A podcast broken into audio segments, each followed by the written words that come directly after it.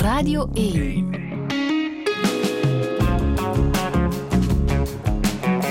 Douche. Met Friede Lesage. En met Dominique de Rudderen. Goedemorgen. Goedemorgen. Hoe gaat het? Ça va. Ça va? Dat klinkt weinig enthousiast. Ja, maar ja, beter dan slecht, hè? Heeft dat met die filmpremière te maken die er zit aan te komen? Ik denk het wel. Ik voel wel wat kriebels in de buik. Eh, het, is toch, het is wel de tiende film, maar het lijkt alsof hoe meer films je maakt, hoe nerveuzer je wordt als een film uiteindelijk eh, moet getoond worden aan het publiek. Maar ik voel me wel enerzijds goed, we zijn wel vier op het werk, maar toch, de zenuwen zijn er. Vrijdag wordt hij voorgesteld, hè? De Chapel. Vrijdag uh, wordt hij voorgesteld. Ja, en jij bent helemaal niet goed in premières, in die zin dat jij zelden in de zaal blijft zitten. Ik ga, ik ga nooit in de zaal zitten bij een première, nooit. Dan ben, daar overleef ik gewoon niet. Maar waar vinden we jou dan vrijdag? Aan de toog. en, en men moet goed op mij letten dat ik niet te veel drink, want er is altijd een Q&A nadien, een question and answer. Mhm. En ik moet zorgen gewoon dat ik niet te zat ben, dat, dat er nog iets uit mijn mond komt dat convenabel is. Maar dus dat gaat echt niet in de zaal zitten niet. tijdens dat je waar, Dat gaat niet. Ik heb dat misschien één of twee keer in mijn leven gedaan. Uh, en bijvoorbeeld bij de documentaire over Wiltura, omdat ik daar niet zo persoonlijk bij betrokken was. Maar mijn eigen films, ik zie alle fouten. Ik, vanaf er iemand hoest of een beetje te brugs beweegt in de zaal, dan denk ik, zie, voilà, het is slecht. en uh, ja, dat, ik besterf het gewoon. Ja. Ze gaan ook uh, andere films van jou tonen in uh, Oostende op het filmfestival. Er is een echte retrospectieve ja. van het werk van Dominique de Rudderen. Ja. Daar ga je ook niet naar kijken. ik, gewoon, nee, ik denk dat ik eerst ook geen tijd heb en dat zou nog kunnen hoor, want die films zijn allemaal van lang geleden. En dan Ja. ben ik meer een toeschouwer geworden. Ik bedoel, als ik dan nog met de schrik zit, dan is het wel heel erg. dus soms zou me dat nog wel kunnen interesseren om zo'n film op groot scherm te zien. Want hoe vaak zie jij je eigen films terug? Ah, normaal gezien nooit. Wat ik soms doe, vlak voor ik een film draai, is naar wat ik dan persoonlijk mijn slechtste vind, kijken om zeker te zijn dat ik niet dezelfde fouten maak. Of dat ik toch probeer een beetje beter werk te leveren. Ah, ja. Uh, en dat doe ik dus wel. Wat je het voorbije jaar ook hebt gedaan, is een autobiografie geschreven. Met de helm geboren. Ja, het is eigenlijk, het gaat meer over de films. Het gaat niet zozeer over mijn persoonlijk leven, hoewel dat af en toe ertussen sluipt. Maar het is een boek dat gaat over de gemaakte films, die, de films die ik gemaakt heb. Dat zijn dus tien. Maar het gaat vooral over de films die ik niet gemaakt heb. En waarom die niet gemaakt zijn. Want dat weten mensen vaak niet. Mensen denken vaak dat het allemaal een beetje makkelijk is. En ja, bon, eh, twee vingers in de neus en we zien wel wat er gebeurt. Maar door die films die niet gemaakt zijn, reveleren soms meer over, het, over wat er achter de schermen van filmerij gebeurt, dan films die gemaakt zijn. Dus ik vond dat wel interessant. Ik had in de jaren tachtig een vriend, die heette Bigas Luna, Spaanse vriend. En die heeft me eigenlijk op dat idee gebracht. Het is te zeggen, die heeft me toen een heel dik boek cadeau gedaan, in het Spaans gelukkig. En daar stonden al zijn films beschreven die hij niet gemaakt had. Ik heb het nooit kunnen lezen, maar ik dacht bij mezelf, het was een, nog dikker dan dat van mij. Je hoopt ook dat koning Filip jouw boek leest. Hij Ja, wordt erin vermeld. Ik heb daar een verhaaltje over. Moet dat nu al vertellen? Ja, het is een leuk Ik verhaal. moest dus ooit uh, naar Madrid gaan voor, om in de jury te zitten van een of ander filmfestival. En ik zag de toenmalige prins vooraan incognito in, in het vliegtuig zitten. En uh, toen wij in Madrid landden, toen ik zag hem zo'n beetje wereldvreemd. Dus ik zei in het Engels, uh, sir, dat moest zijn bagage hebben, dingen, nummer drie. En toen gingen we naar de uitgang van, de, van, het, van het vliegveld. En daar komt een mevrouw, helemaal gekleed als een stewardess. Met een hoedje en alles. Hij loopt een meter of tien voor mij en die komt op ons af. En hij steekt zijn hand al uit en die loopt hem rats voorbij. en die zegt tegen mij, welcome to Madrid, Mr. de Rudder. En ik zie hem met zijn blik nog. Hij draaide zich om van, wie de fuck is dat? Het was hij niet de fuck gezegd hebben, denk ik. Maar Ja, maar als hij jouw boek leest, dan weet hij nu. mocht hij het lezen, dan weet hij nu wie die Pipo is die achter hem liep, daar in Madrid in de jaren Ja. 80. Hoe zou jij jezelf omschrijven? Mezelf omschrijven. Mhm. Dat is moeilijk, hè. Ik denk, kijk, je gaat dat merken, ik spreek niet graag over mezelf en ik zal zeker mezelf wel niet graag omschrijven. Dus... dus hoe zal ik mezelf omschrijven? Ik weet dat ik... eh, ik ben een klein manneke van Leopoldburg. nee, hoe zal ik mezelf omschrijven? Ik denk dat ik... eh, ik denk dat ik af en toe grappig ben.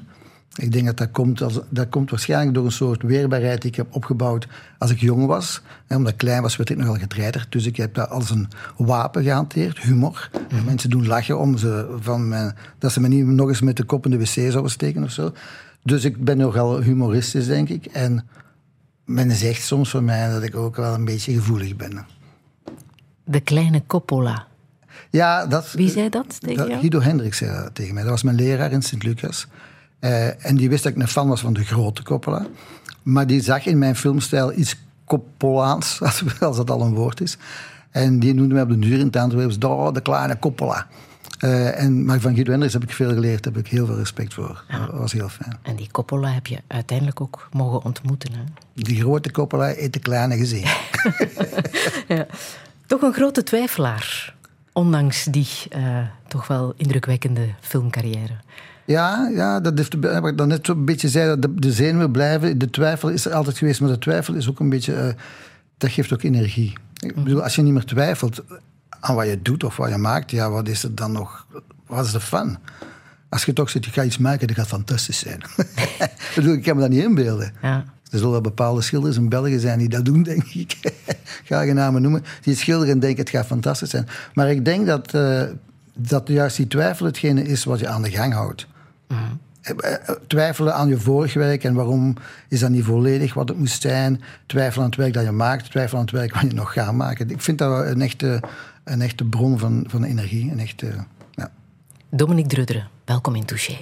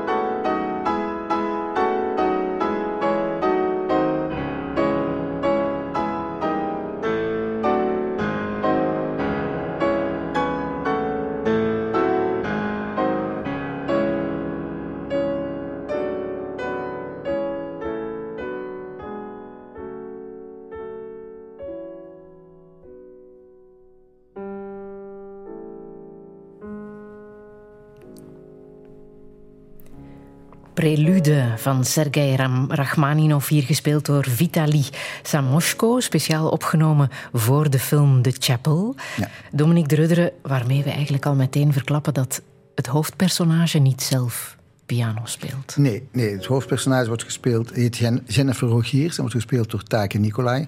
En die kan heel goed acteren.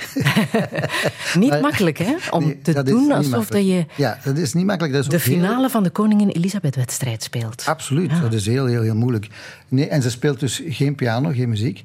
Uh, maar ze heeft heel erg hard gewerkt aan de piano, de bewegingen van een pianist. Hoe beweegt een pianist? Ze heeft daar twee coachen voor gehad, hè, die haar begeleiden gedurende vier maanden. Maar ze heeft natuurlijk heel veel werk thuis moeten doen.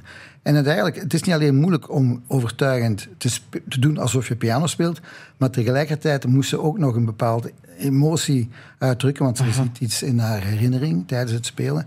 Dus het was acteren, als personage en piano tegelijkertijd. En dat heeft ze wel ongelooflijk goed gedaan. En dit hebben jullie opgenomen zoals het ook echt gaat. Hè? In die majestueuze Henri Leboeuf-zaal in de Beaux-Arts in Brussel. In een volle zaal, waar zij dan moest spelen. Ja, ja, dat was voor haar wel erg stresserend natuurlijk. Maar voor jullie ook, denk ik. Dat moet wel een kick gegeven hebben. Dat gaf een ongelooflijk kick. We moesten wel heel snel hard werken, en, omdat het een heel dure zaal is. dus we hadden niet zoveel tijd, maar we hebben erg, uh, erg geconcentreerd en erg hard gewerkt. Het werd ook heel goed voorbereid door Georges van Dam, de man die onze muziek geschreven heeft en die dat helemaal gecoördineerd heeft, de, de muzikanten. Maar op een bepaald moment, dat was eigenlijk heel leuk, uh, de muzikanten speelden echt. En Taken hadden we een mute piano gegeven, een, een die, die je niet kan horen. Zij kreeg de muziek, de pianomuziek in haar oor. En aan de andere kant van de piano, dus de mensen die haar handen niet zagen, de, de, de, de muzikanten, die zeiden op een bepaald moment tegen, tegen mij: maar Allee, waarom mogen we dat meisje niet echt horen spelen? Die is precies echt keigoed. en we waren allemaal zo blij. En dat heeft ook taken wel enorm zo, echt een, een vibe gegeven van oké, dat, is hier, dat, dat schijnt hier te werken. Maar het waren de magische dagen. Maar het gaat over dit stuk, over Rachmaninov, want dat speelde ze al vanaf haar acht jaar, hè, de, het personage in, in de film. Heeft dat ook iets met jouw liefde voor Rachmaninov te maken? Nee, die is, nu, die is er nu wel, maar ik moet zeggen, ik kom van een punkperiode en van de rock and roll.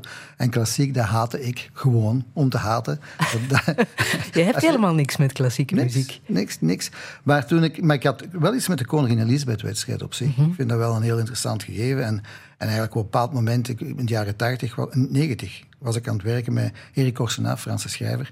En die heeft me eigenlijk half op het idee gebracht.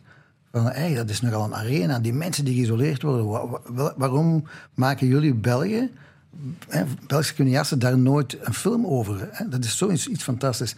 En dat is mij altijd wel een beetje bijgebleven. Dus ik, maar doordat ik die film maakte, moest ik natuurlijk op een bepaald moment een componist, een concerto kiezen. En dat is Rachmaninoff geworden, omdat de sneeuw en de koude in die film heel erg belangrijk zijn. En ik zocht dus gewoon een rust. ik dacht, ik moet hier een rust hebben, want daar is het heel erg koud. En ik heb echt zo alle Russen afgegaan, de, de, de componisten, Russische componisten. En daar is uiteindelijk Rachmaninoff uitgekomen, omdat ik hem echt geweldig, fantastisch vind. Nu ben ik hevige fan. Maar ook omdat hij in feite heel erg visueel is, vind ik. Mhm. Het is heel erg intens, het is romantisch. Maar het is ook heel erg visueel. Mm wat je zegt, hè, de Koningin Elisabeth-wedstrijd is een absoluut instituut. En de chapel, die um, koninklijke kapel, die in werkelijkheid in Waterloo staat, heeft daar ook een heel belangrijke betekenis. Want het is zo dat voor de finale de twaalf finalisten worden afgezonderd, een week lang, om daar dan het verplichte werk dat ze daar pas in handen krijgen, moeten instuderen. Daar speelt de film zich ook af in die chapel. Was jij daar ooit geweest? Ik was wel in de, in de kapel geweest, en we hebben ook, eh, maar we hebben niet in de echte kapel gedraaid. Omdat de echte kapel is een fijn gebouw, een eh, Art Deco-gebouw met een heel modern uh, stuk eraan vast. En dat was niet wat ik nodig had. Want het blijft natuurlijk fictie. Deze film is geen film over de koningin Elisabeth-wijsheid. Uh Het is de, het is de de achtergrond van de koningin Elisabeth-wedstrijd. Dus wij hebben gekozen, het is een nogal spannende film, met emotionele suspense. Wij hebben eigenlijk gekozen voor een gebouw dat meer gothic is. En meer gevaarlijk, donker. Met donkere gangen waar de wind doorgiert. Hè, om de isolatie van die personages, en zeker van het hoofdpersonage, nog duidelijker te maken en nog intenser op de toeschouwer laten in te werken. Ja. Dat is nu eenmaal de vrijheid van, van cinema. Dat je zoiets kan doen en dat je uh, niet in het echte gebouw moet filmen. Anders is het een documentaire.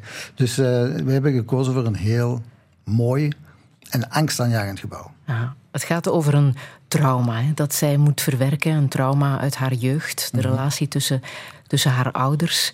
Wat wil je daar zelf over kwijt? Ik kan er weinig over kwijt, want ik wil er heel veel over kwijt. Het enige probleem is, als ik er iets over kwijt, als ik iets zeg, dan verraad ik de eigenlijke plot van de film. Want de, de film bouwt. Is je voelt in het begin van de film dat dat meisje, daar is iets mee. Die draagt een geheim met zich mee. Die is koud en kil, die wil niet met mensen communiceren. En geleidelijk aan, is wel zo najuin, wordt geleidelijk aan wat er met haar gebeurd is afgepeld, zeg maar. En dat komt op het einde aan het licht. En dat is dat trauma dat ze heeft, maar daar kan ik dus niks over zeggen. Was het maken van de film ook een beetje traumatisch voor jou? Want het heeft lang geduurd, hè?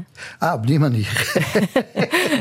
het heeft heel lang geduurd, ja. Dat zijn de beslommeringen van de financiering van films. Nu haal je je schouders op. Ja, maar toen was het verschrikkelijk natuurlijk. Nu haal ik mijn schouders op omdat het achter de rug is. Maar toen er zijn momenten geweest dat we echt dachten, oké, we gaan hem niet maken.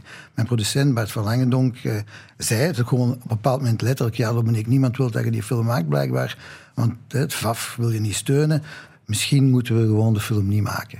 En dat was er is een bepaald moment geweest dat we, en ik maar misschien een fractie van een seconde, maar hij even heel ernstig.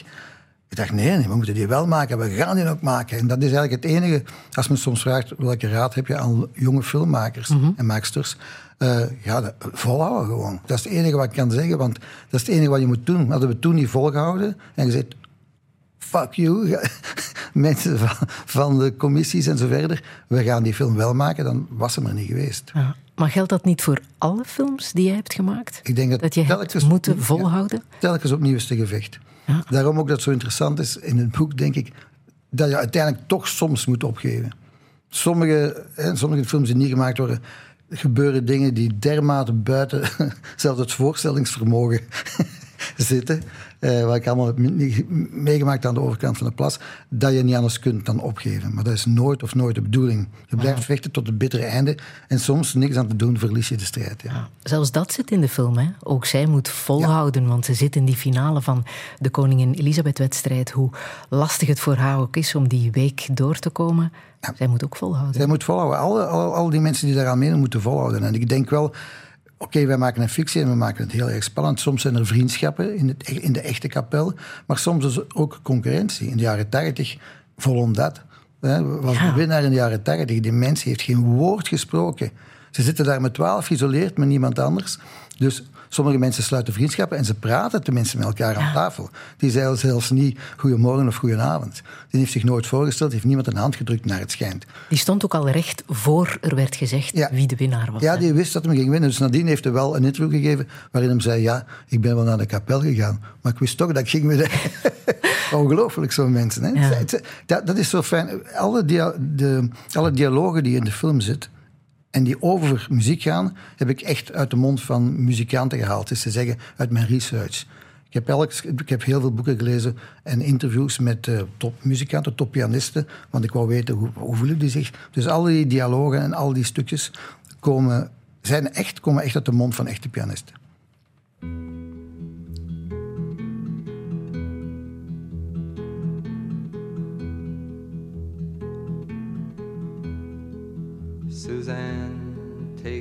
Down to her place near the river. You can hear the boats go by.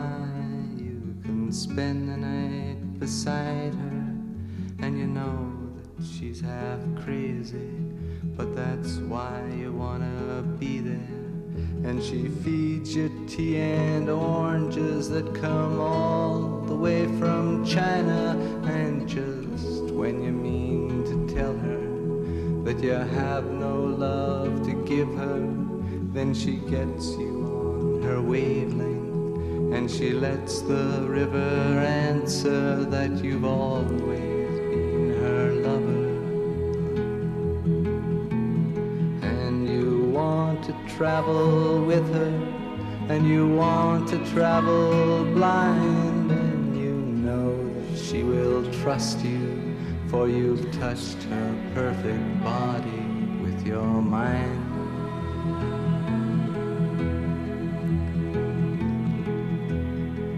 And Jesus was a sailor when he walked upon the water.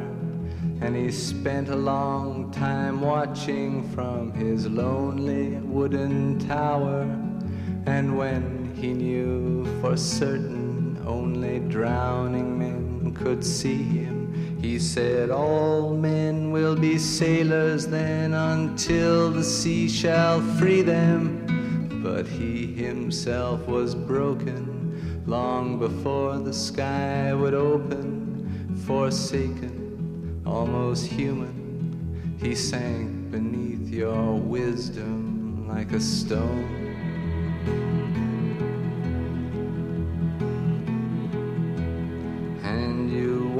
To travel with him, and you want to travel blind, and you think maybe you'll trust him, for he's touched your perfect body with his mind.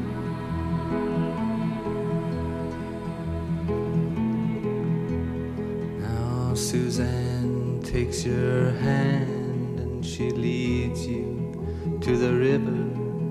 She is wearing rags and feathers from Salvation Army counters, and the sun pours down like honey on Our Lady of the Harbor. And she shows you where to look among the garbage and the flowers. There are heroes in the seaweed, there are children in the morning, they are leaning for love. They will lean that way forever while Suzanne holds the mirror. Leonard Cohen en Suzanne. Dominique de Rudderen, naar welke tijd katapulteer ik je nu terug met dit Eh, nummer? wacht, hè, dan moet ik even nadenken. Ne 1969. 1970 misschien. Dan eh, zat je nog in Leopoldsburg, hè? Toen woonde ik nog in Leopoldsburg. Ik was een jaar of twaalf. En eh Leonard Cohen, we hadden thuis geen platendraaier of zo. Hè, dus het was, het was niet echt een muzikale familie of zoiets.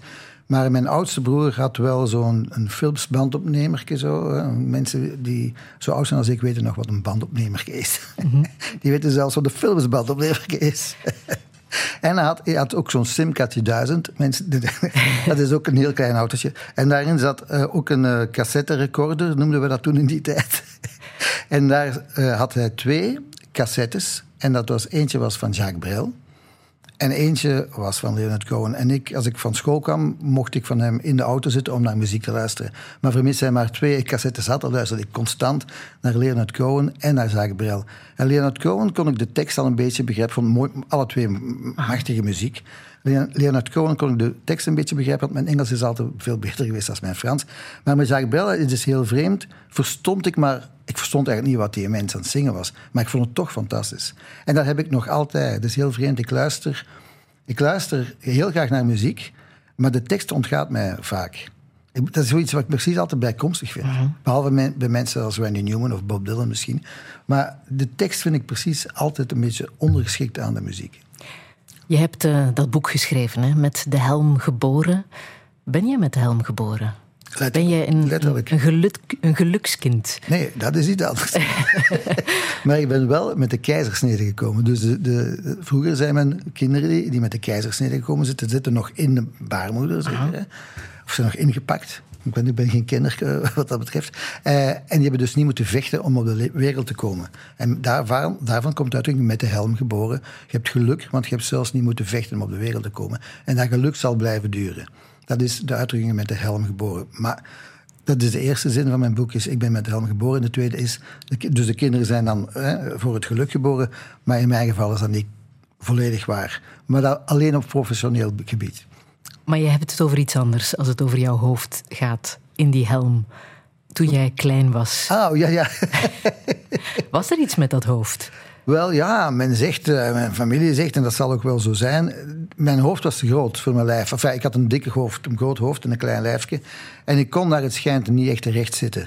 Jouw hoofd viel om. Ja, ik viel om altijd, viel altijd terug om. Dus mijn vader heeft me zelfs met een of andere, met, met straal, mijn bril, x-ray stralen of weet ik veel wat, stra- moeten bestralen thuis. Om mij sterker te maken. Mijn moeder gaf mij fruitpapjes en zo.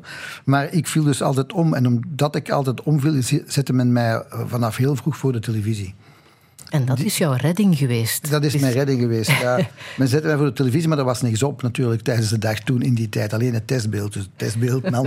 ik ben een kenner van het testbeeld. Maar ik zag toch ook wel heel, redelijk snel, als er iets op tv gebeurde, dan zag ik het wel. En dat is heel onbewust natuurlijk, want ik was zelfs nog geen drie jaar. Maar ik denk wel dat ik eh, vrij veel binnengekregen heb, onbewust. Ja. Want, want eigenlijk in die jaren, zeker in de namiddag, toonde men echte klassiekers uit de Amerikaanse filmgeschiedenis. Films van Frank Capra, Billy Wilder enzovoort. En die heb ik bekeken, zonder te beseffen wat ik zag, denk ik. En toen was de goesting er ook al om zelf te kunnen draaien. Die is om- eh, gekomen rond mijn zesde. Rond mijn zesde was ik verliefd op het buurmeisje. Sonja heette die. En ik, ik zag haar, dus die films, dan begon ik al bewust te kijken naar films en ik speelde die gewoon na met haar. Dan zei ik tegen Sonja, dat was natuurlijk, ik had ook gezien dat men kusten en zo. Hè. Ik wilde naar de kust komen, ik wil naar de kust komen. Dus wij speelden die dingen na. En dan op de duur had ik een tentje gebouwd. En daar konden we dan heel lustig kussen. Eh, dat is niet blijven duren. De vader, ze hebben duur nu genoeg geweest met dat tentje. Eh, die duurder moet hier niet meer komen. Dat was wel zedig met de mond dicht kussen. Hè.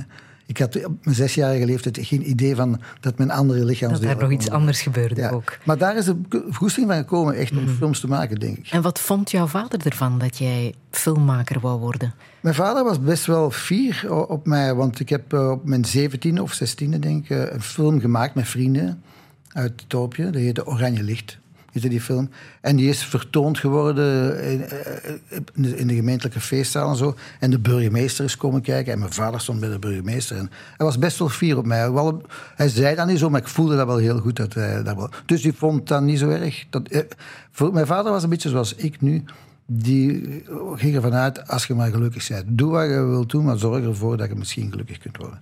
Dat feest in Leopoldsburg en die activiteiten rond de film Oranje Licht was ook de laatste avond van jouw vader. Ja, dat was de laatste avond. Ja. Eh, De volgende dag was hij dood. Eh, dat is nogal onverwacht gekomen eigenlijk. Eh, hij, ging, hij werkte aan een garagepoort. De, garagepoort bij ons thuis was, was kapot. In die tijd waren dat houten garagepoorten met zware ressorts en zo. En dat het ironische aan het verhaal is, hij had buiten aan die garagepoort grote doodskoppen gehangen voor mij. Want hij wist, ik werkte toen in een café dat ik soms zat thuis kwam. En hij was bang dat ik tegen die garagepoort zou duwen en dat er iets ergs zou gebeuren met mij. Dus daar gingen die grote doodskoppen buiten, zodat ik zou me herinneren, niet tegen de deur. Hij heeft eh, die, dat was paasmaandag, eh, dus na dat feest eh, is hij aan die poort beginnen werken en daar is iets misgegaan. Er is een hengel losgekomen tegen zijn hoofd en hij is ter plekke doodgebloeid. Dat heb jij gezien Dat heb ik gezien, ja. ja, en gehoord ook. Wel ja, ik, zat, ik lag in mijn bed en het vreemde aan de zaak was... Er zijn twee dingen die vreemd zijn, of drie dingen die vreemd zijn. Het eerste ding wat vreemd is eraan, is dat een aantal jaren daarvoor heb ik zijn leven al gered in diezelfde garage.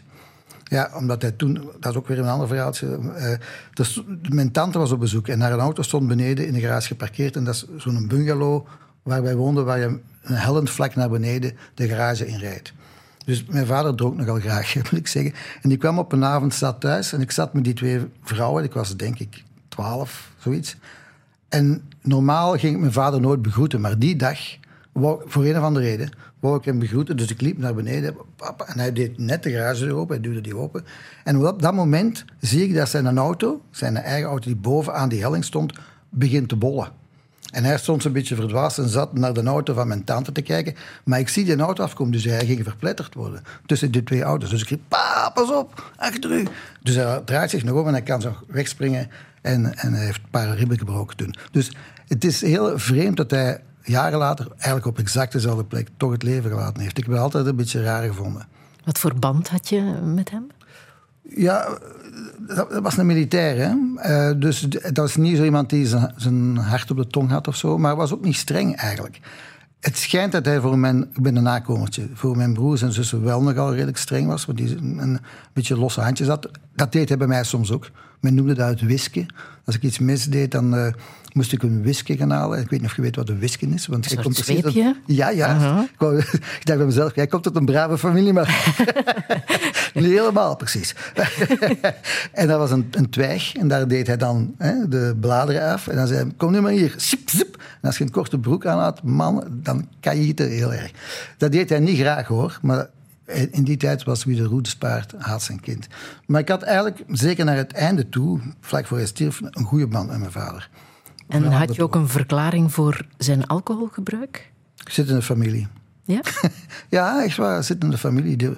Dat is niet volgens mij iets... Allee, ik bedoel, niet dat hele duurdere familie zatlappen zijn, hoor. Maar ik denk dat het wel iets... Ik, ik zie wel dat we, mijn broer bijvoorbeeld, een van mijn broers is, drinkt al 30 of 40 jaar niet meer. Omdat hij te veel dronk. Eh, eh, dus ik drink nog altijd, maar ik, eh, ik, ik, ik drink met mate, denk ik. Een beetje, maar dus er, zit, er was wel een probleem. En, en een van mijn broers heeft dat gelukkig voor hem onderkend. En, is, en hij is heel gelukkig zonder alcohol.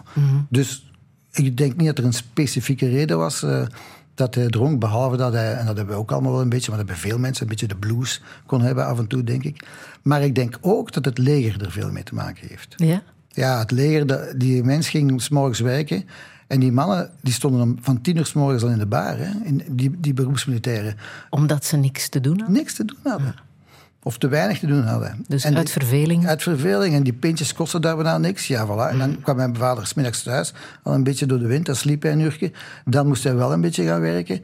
Maar dan tegen vier uur zat hij al in het café in het dorp. Met diezelfde mensen. En dat was quasi dagelijks niet altijd hoor. Dus, maar dat, het leger, ik heb daar omdat ik in het leger in Leopoldburg opgevoed ben en, en sommige miliciëns heb leren kennen, jongens die dan op de tennisclub waar ik tenniste binnenkwamen, die brave jongens waren aan het begin van hun twaalf maanden dienst en die halve alcoholiekers, zuiplappen waren geworden aan het einde van die twaalf maanden. Dus eh, sorry voor de mensen van het leger en ik hoop dat het nu anders is, maar eh, in die tijd was dat toch wel redelijk eh, frappant.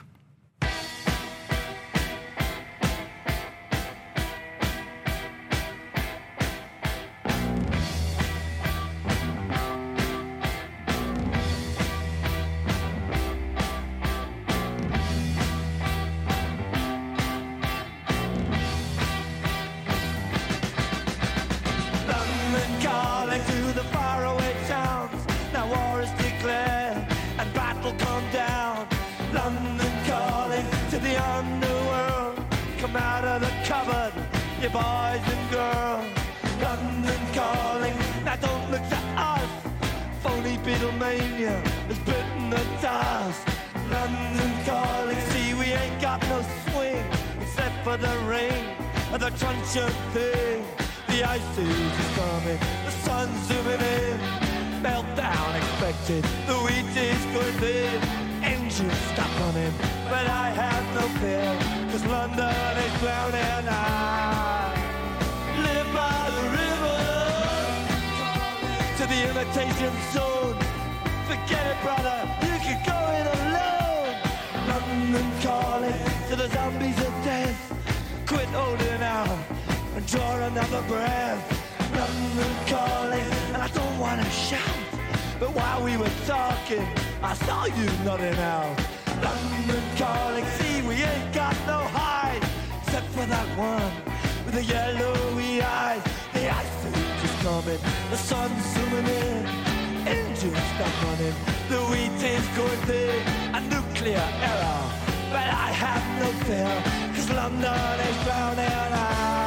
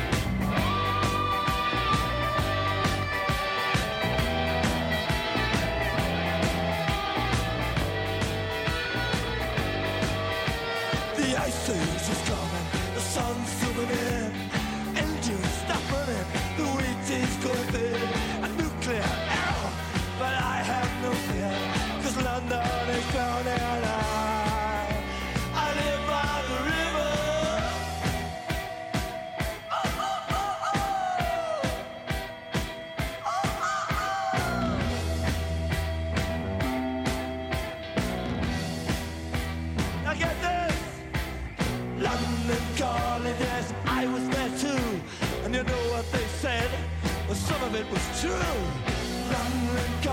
At the top of the dial. And after all this, won't you give me a smile?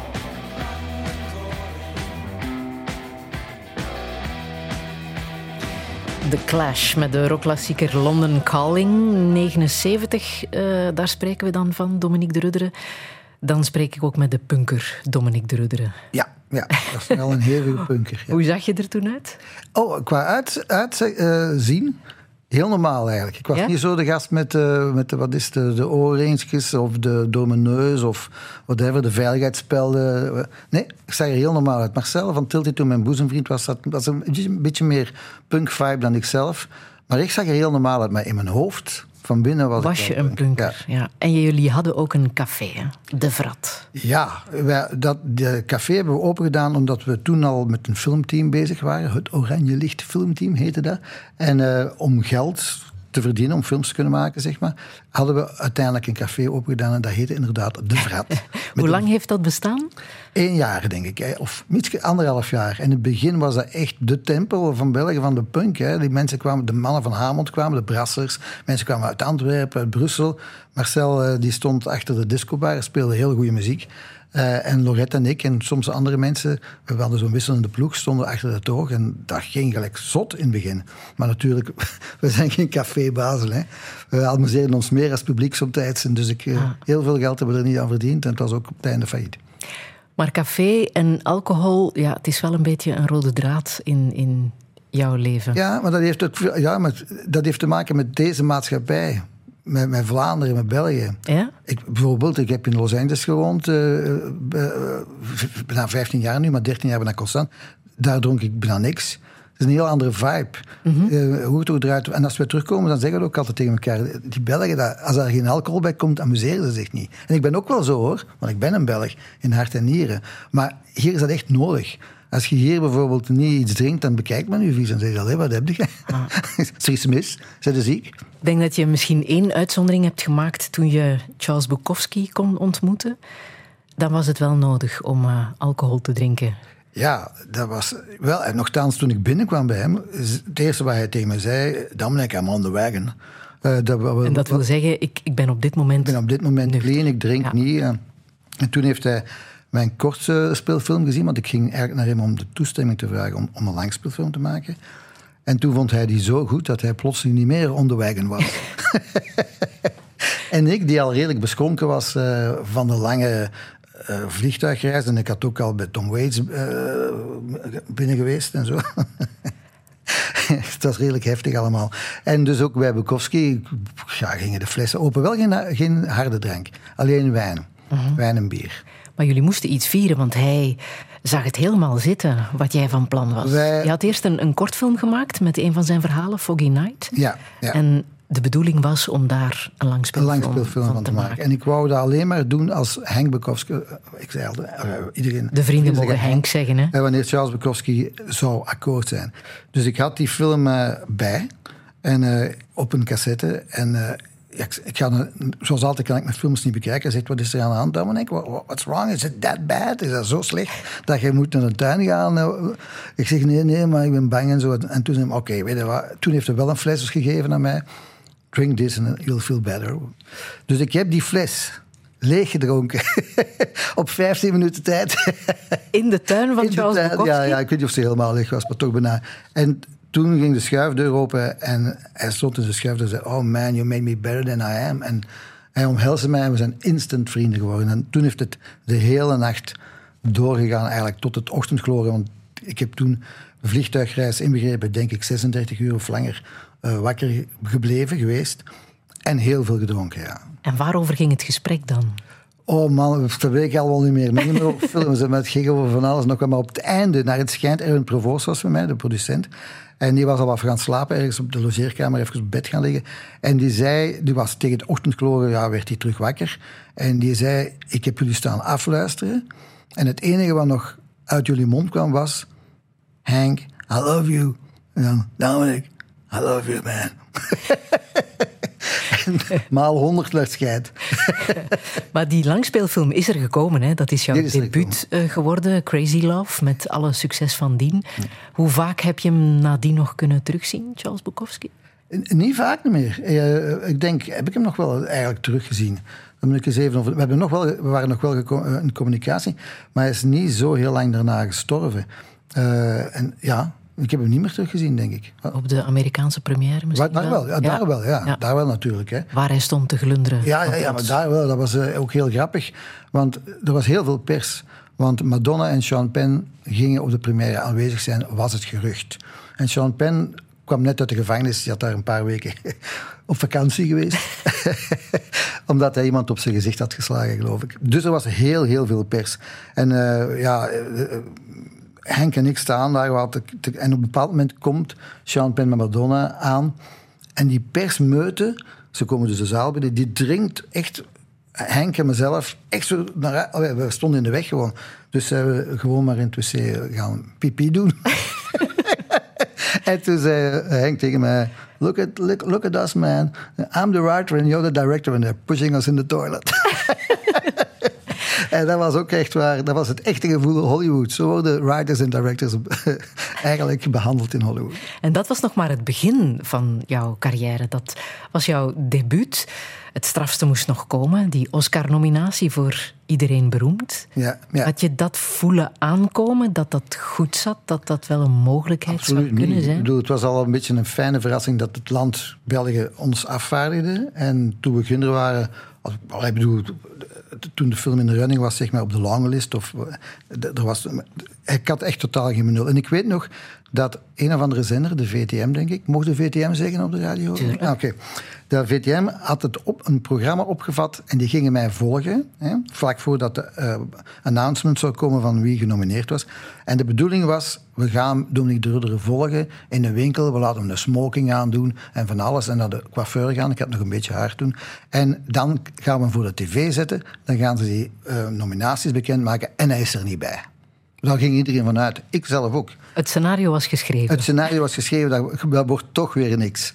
Maar wat zij niet wisten, is dat ik de dag voordien van mijn sales company het bericht had gekregen dat Miramax de film had gekocht. De dag voor de uitreiking. Nu, die, weten, de, die weten nooit de officiële uitzending. Daar zijn ze wel heel Maar ze voelen wel. ja, ik ben zelf wel lid van de Academy nu. En ik weet dat heel strikt is. En heel geheim, echt geheim.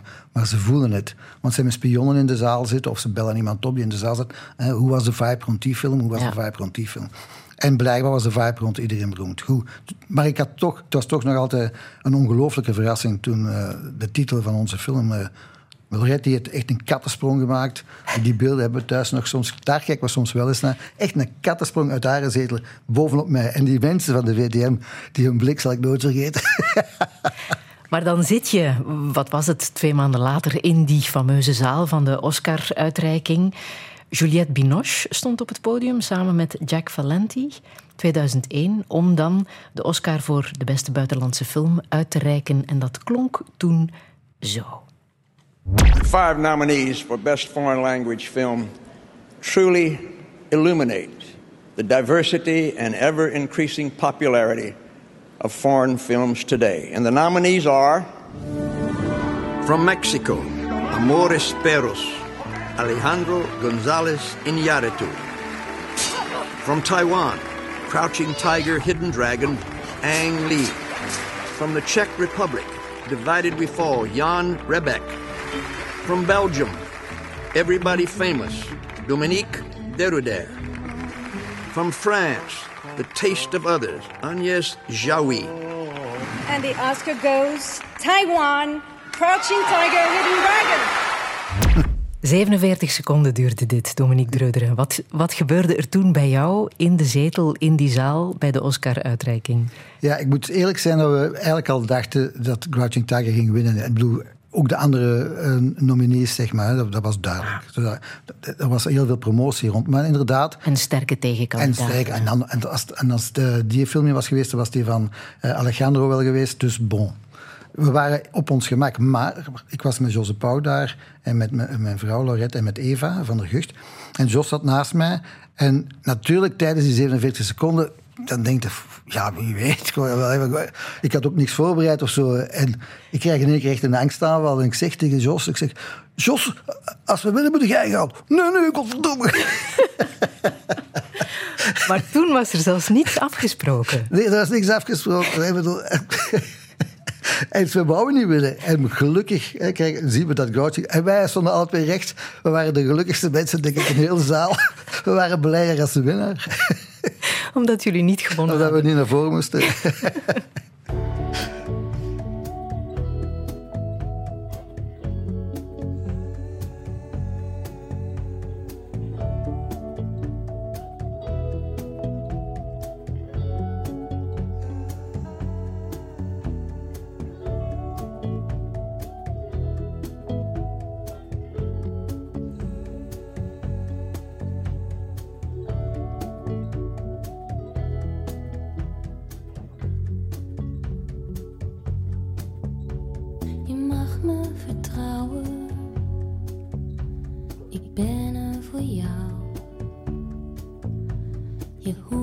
te weten. Daarvoor ben ik vrouw. Je hebt niets te vrezen.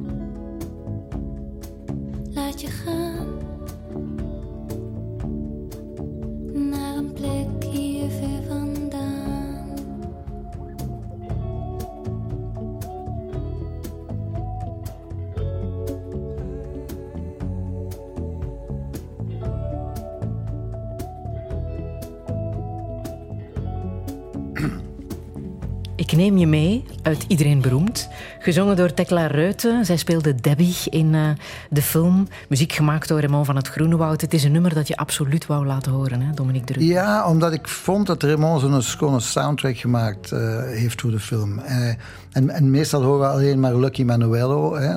En dat heeft hij zo bewust een beetje dubbel zo gemaakt. Maar ik vond dit echt een... En hij heeft natuurlijk ook... Debbie speelt daar zo de ster van de lage landen, van de Vlaamse lied. Maar hij heeft, ik, vond, ik vind dit nummer heel tof. Heel mooi en eigenlijk heel meeslepend. En, en echt een goede tekst nog op de koop toe. Maar wel heel populair zo, hè. Maar heel poppy zo, hè. Mhm. Iedereen Beroemd ging over een vader die wou dat zijn dochter ja, wereldberoemd zou eh, worden eh, als zangeres. The Chapel is ook weer een competitie. Gaat over ja, de beste willen zijn als pianist op zo'n eh, gigantisch concours. Daar heb je wel wat mee. Hè? Ik heb daar blijkbaar iets mee. Mij, dat is me ook maar pas opgevallen toen de chapel af was eigenlijk. Ja? ja, dat is niet zo bewust. Maar ook vooral omdat je me liet weten dat je ook echt wel verslaafd bent als pro- aan programma's zoals eh, The Voice en Ah ja, dat vind ik wel tof. Ja, ik Ja? kijk daar graag naar. Ik vind het geweldig over, over, over de voice te spreken. Ik vind het fijn dat zo mensen die eh, totaal uit de anonimiteit komen, plotseling een kans kunnen krijgen en zo. Hè.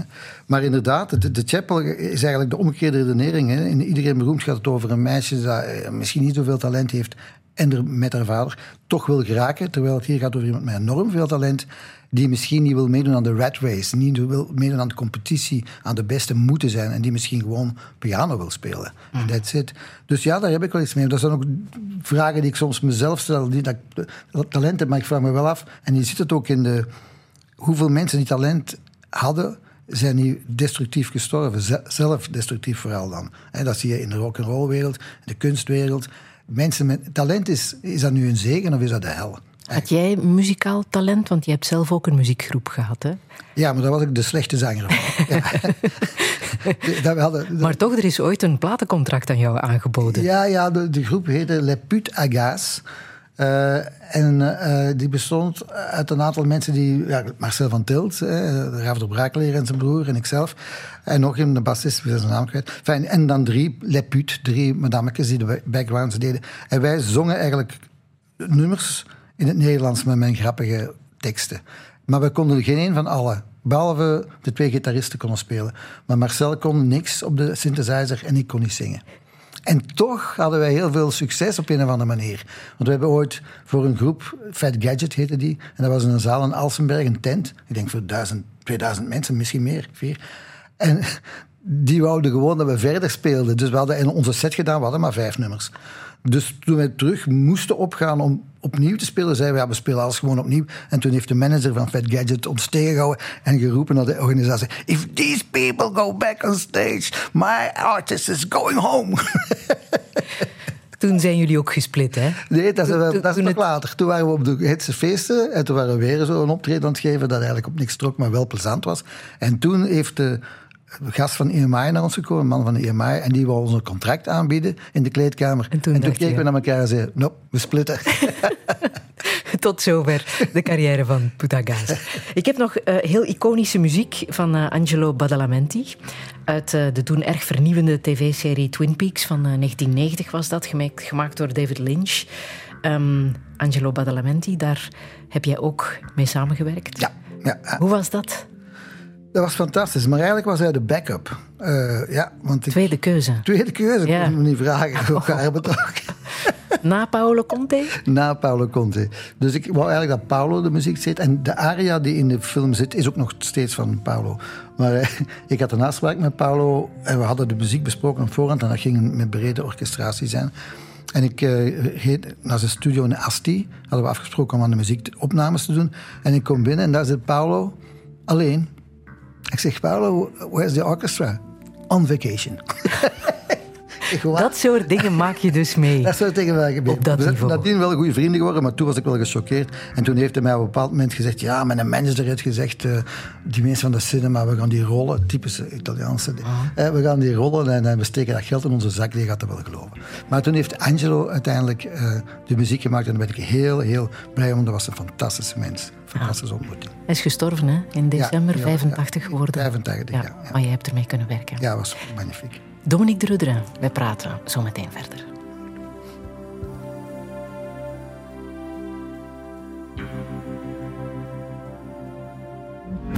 Radio 1.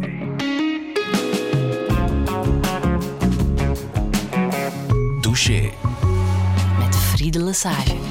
En met filmregisseur Dominique de Ruddere. 65 jaar geleden werd hij met de helm geboren. Vrijdag presenteert hij The Chapel, zijn tiende film op het filmfestival van Oostende. Ook al kreeg hij in zijn carrière veel vertrouwen van mensen als Mark Didde, Angelo Badalamenti en Charles Bukowski, toch is het telkens weer knokken om een nieuw project op de rails te krijgen. Maar hoe moet het verder? Was zijn Oscar-nominatie een zege? Heeft hij spijt van zijn jaren in Los Angeles? En gaat hij ooit met pensioen? Dit is Touché met Dominique de. Een zeer goede middag.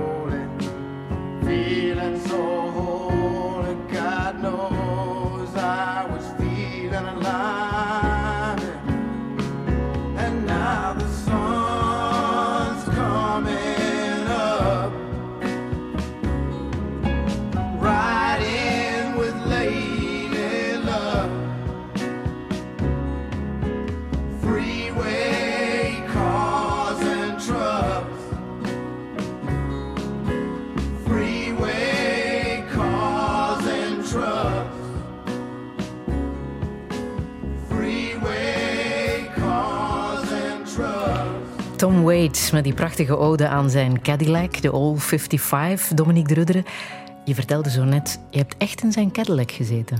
Ja, ja, hij heeft mij ooit eens een keer naar het hotel gevoerd. We hadden toen een dinertje, was voor uh, Wait Until Spring Bandini, waar hij bijna de muziek voor geschreven heeft, maar uiteindelijk niet. Dat was met hem, Faye Dunaway, John Mantegna, Fred Roes, de producent van, van Coppola ook, en ikzelf, denk ik, Erwin Provost. En ik was met de auto gekomen, maar ik was een beetje te dronken om zelf naar huis te rijden. Dus heeft Tom mij naar huis gevoerd. Alleen dat, Vriendelijke jongen. Zeer vriendelijk, zeer vriendelijk. Ja, was het zo? Was de ontmoeting ook hartelijk? Oh ja, ja, ja, ja want ik had hem al ontmoet daarvoor en zo. We hadden al wat gesprekken gehad. En ik weet nog dat ik binnenkwam in het restaurant. En uh, ik zie ja, Faye zitten, die ken ik ook al natuurlijk, kom ik mee samenwerken, en Joe. En, en, ik zie in één keer zo een beetje bruin gebrande gast. Ik moest echt twee keer kijken. Het was Tom Waits. Hij zegt, Tom, I didn't recognize you. Hij kwam net van vakantie. Hij zag er heel gezond uit. En daarom, ik herkende hem niet. Maar als je dan te veel gedronken hebt, heb je dan geen spijt achteraf? Jawel. Of heb je dat net nodig in zo'n gezelschap? In zo'n gezelschap heb, heb, ik dat nodig. Ja? Dan voel ik dan ben ik veel te nerveus om, om normaal te vinden. Maar op de set niet, hè. Dus ik ben er nooit... Ik ben één keer in mijn leven, toen was ik assistentregisseur, had ik een kater op de set. En sinds die dag, dat was op Brussels Night eigenlijk, van Mark... Uh, En ik had een kater op de set. En sinds die dag heb ik mij gezworen om nooit nog een kater op de set te hebben. En zelfs tijdens de tournage niet te drinken. En daar hou ik me aan, want anders uh, het is te kostbaar. Je krijgt maar één kans. Je kunt dat niet verknoeien door, uh, door alcohol te gebruiken. Mm -hmm. Als je die namen noemt, dat is voor ons overweldigend. Al die grote Hollywoodsterren bijeen en daar dan mee op restaurant gaan, dat lijkt onwaarschijnlijk. Hoewel het waarschijnlijk niet anders is dan acteurs en regisseurs in België die elkaar kennen. Ja, het is eigenlijk precies hetzelfde. Het enige verschil is in feite dat ook, mensen die bijvoorbeeld de muziek doorbreken of, of gelijk wat. Ik bedoel, een Raymond van Groenewoud heeft volgens mij evenveel talent uh, als gelijk welke mens die in dat genre in de Verenigde Staten doorbreekt. Maar het verschil is dat als je daar goed bent en je maakt een plaat, dan is het direct voor de wereld gewoon automatisch. Omdat je daar nu eenmaal bent. En hier is het natuurlijk dan lokaal. En dan wordt het echt heel moeilijk om de sprong te maken naar de internationale carrière van een film, van een song of van gelijk wat. Mm. Dus dat is wel een voordeel van de locatie Ginder. Ja. En is dat nu de reden geweest waarom je naar LA bent verhuisd? Om het groter te kunnen aanpakken? Absoluut niet. dat is wat mensen denken. Dat was geen bewuste keuze. Ik ging maar voor één jaar. Ik had een, uh, een aanbieding, uh, een film die heette Comeback. Dat was met Chris Christofferson, Ashley Judd en William Macy. En geproduceerd door Bob Jaren, die drie jaar daarvoor uh, de Oscar voor beste Amerikaanse film had gewonnen. Dus dat kon niet misgaan. Die film was helemaal gefinancierd. Dat zat helemaal... Dus ik ben voor. Ik zei tegen de familie, tegen mijn vrouw en mijn kinderen... We gaan voor één jaar naar Amerika... En dan komen we terug. Hè. Dat is zo lang om een film te draaien. Iedereen zei, oh tof, een jaartje naar Ginder, dat is tof. We hadden ons huis in Brussel verhuurd en, en dan een huis Ginder gehuurd. En toen ik daar aankwam in Amerika, uh, begonnen de, de schrijvers, de scenaristen te staken. Iedereen dacht dat wordt een hele korte staking. Die staking heeft zes maanden geduurd. Wij konden niet beginnen omdat de acteurs hadden gezegd... als de scenaristen geen gelijk halen, dan gaan wij ook staken. Dus daarom kon de film gewoon niet beginnen. En toen de staking eindelijk gedaan was, was het 2008 en toen was het de bankencrisis.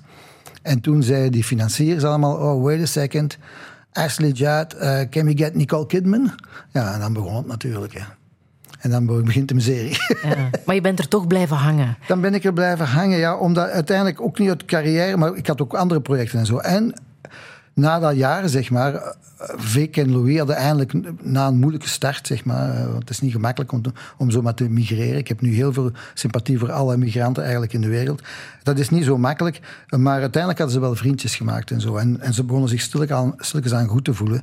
En ik wou het ook nog niet zo meteen opgeven. Die andere projecten die nog niet dood waren. Plus, dat project was ook nog niet dood. Dat is pas gestorven toen Angel Heart uitkwam. Een film die ongeveer dezelfde materie had. Maar uh, bon, ik had ook nog andere projecten. Dus ik bleef er wel... Ik wou nog wel wat verder knokken om te zien of er iets uit de bus kon vallen. Mm. Maar hoe ben jij na al die jaren in L.A. naar België gaan kijken, naar ons land? Ja, dat is een beetje... Ja, als je in Ginder woont, hoor je weinig over België. Tenzij je gaat Tenzij het gaat opzoeken natuurlijk. Hè. Ook de politiek. Dus het is een klein land. Dat, dat, echt waar, sorry. Heb je nog het nieuws gevolgd vanuit Nee, nee België? dat heb ik ook bewust niet gedaan. Ik dacht bij mezelf, oké, nu ben ik hier. Nu, nu leef ik hier, dus de problemen van hier zijn nu ook mijn problemen. Niet meer zozeer die van België. Uh, natuurlijk volgde ik het nog wel hoor. Ik las nog wel eens een krant en het is niet dat ik totaal wereldvriend mm -hmm. van België was. Maar het, ja, je, je geeft er wel rekenschap van. En dan moeten we toch misschien terug een beetje leren. Want ik, in mijn jeugd waren de Vlamingen, ik zal nu even de Vlamingen zeggen, uh, uh, heel erg bescheiden. En daar werd mee gelachen, maar nu zijn ze redelijk arrogant aan het worden. als je het mij vraagt. En dat is niet zo gezond. Ik denk, we doen het goed hè, op veel gebieden. Hè. Er is, als je ziet, ook in het cinema, ik zal gewoon in mijn beroep blijven. Als je ziet ja, wat er allemaal nu de laatste tijd gebeurt. En, of de laatste Eigenlijk is het al 15 jaar bezig en misschien zelfs langer. Maar het wordt alsmaar beter en hechter. Dus daar mogen we terecht fier op zijn. Maar we moeten ook ons rekenschap houden van onze plaats in de wereld. En we zijn een klein land. En merk je dat ook aan het nieuws dat hier uh, wordt behandeld? Dat we soms te lokaal kijken? Of? Ja, ik bedoel, het nieuws is. Sorry voor, de, voor je collega's en zo. En ik begrijp dat die mensen dat moeten opvullen. Die krijgen, weet ik veel, 25 minuten. Vul dat maar eens op met plaatselijk nieuws. In een land waar heel weinig gebeurt. Dat is toch bijna onmogelijk. Dat is het, het lokale nieuws ook, in Los Angeles is ook flauw hoor. Vandaag even niet, denk ja, ik. Ja, vandaag nu even niet, maar dat is ook relatief flauw. Dus, eh, vroeger was, was de televisie een, een, een, venster op de wereld. Hè. Dat werd ook gezegd door een. En, en nu is dat je venster op je buren geworden. En dat is heel jammer, want Facebook is dat al. venster op je buren en op wat de mensen allemaal uitsteken. Dus ik vind dat, dat allemaal heel beperkend en, eh, en gevaarlijk. Ja. En als we het hebben over de, de filmindustrie, hoe groot is het verschil tussen de Belgische filmindustrie en eh, die mastodontische Amerikaanse industrie? Ben je daar echt een heel klein radertje waar toch mee gespeeld wordt? Wel, hier in, in Europa, in België en Europa, kan, je, kan een regisseur over het algemeen de film maken die hij wil maken of zij. Eh, in de Verenigde Staten moet je de films maken die de studio of die de financiers willen maken. Dat is heel simpel. Dat is heel erg moeilijk en alleen weggelegd voor grote namen zoals Tarantino.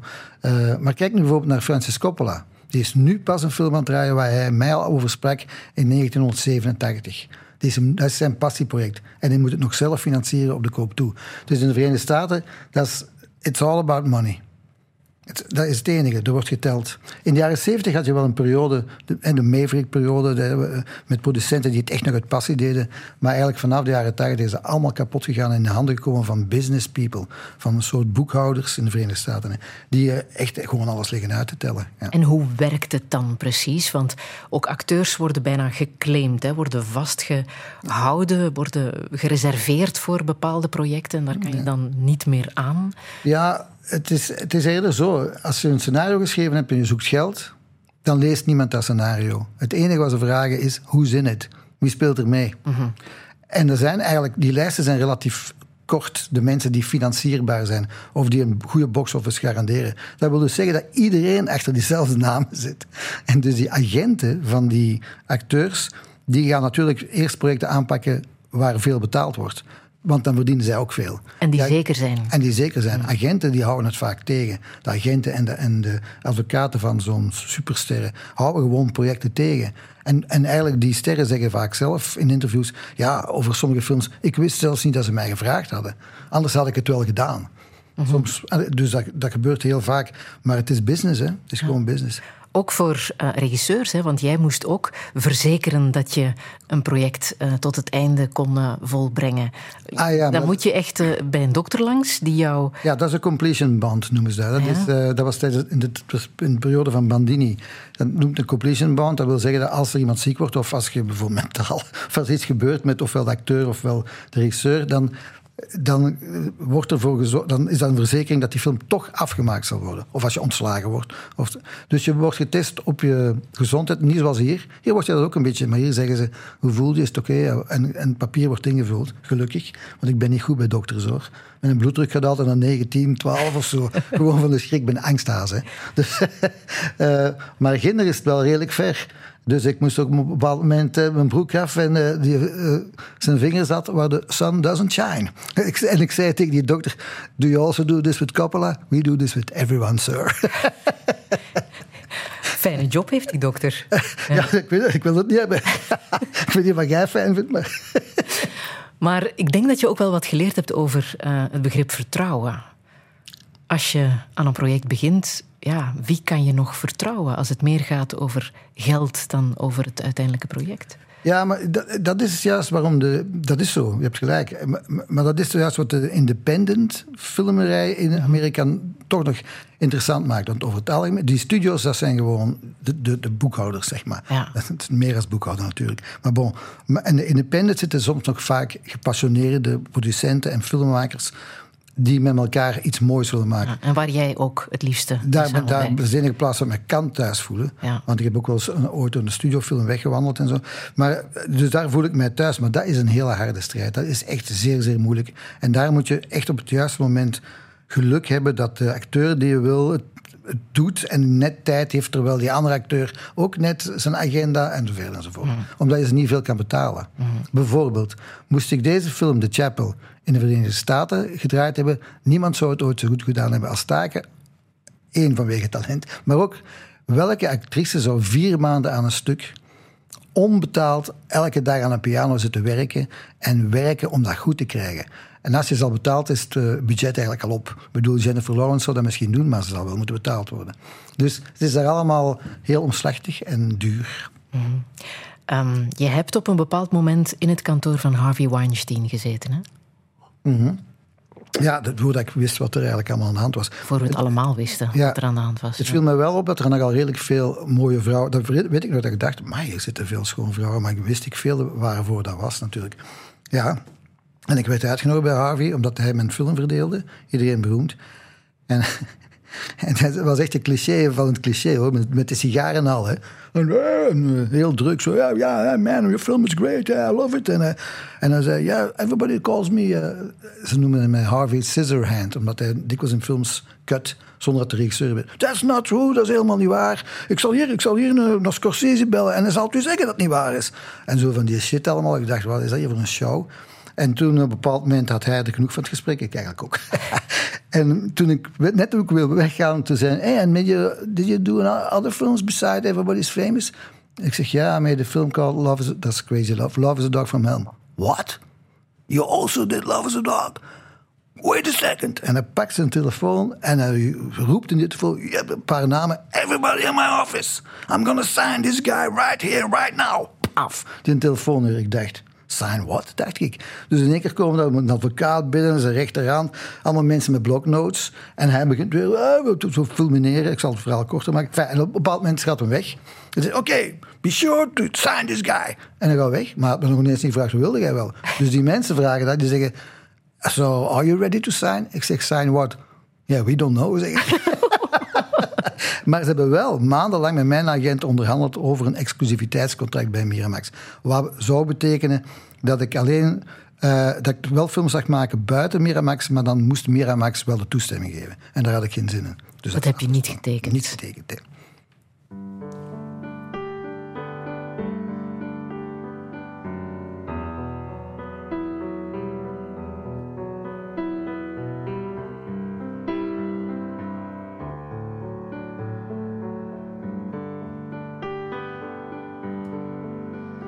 Got the real boy. You've got the power now. Ain't no use to run, ain't no use to hide. Take a ride on nightlife. It's not a good life, and I hear you side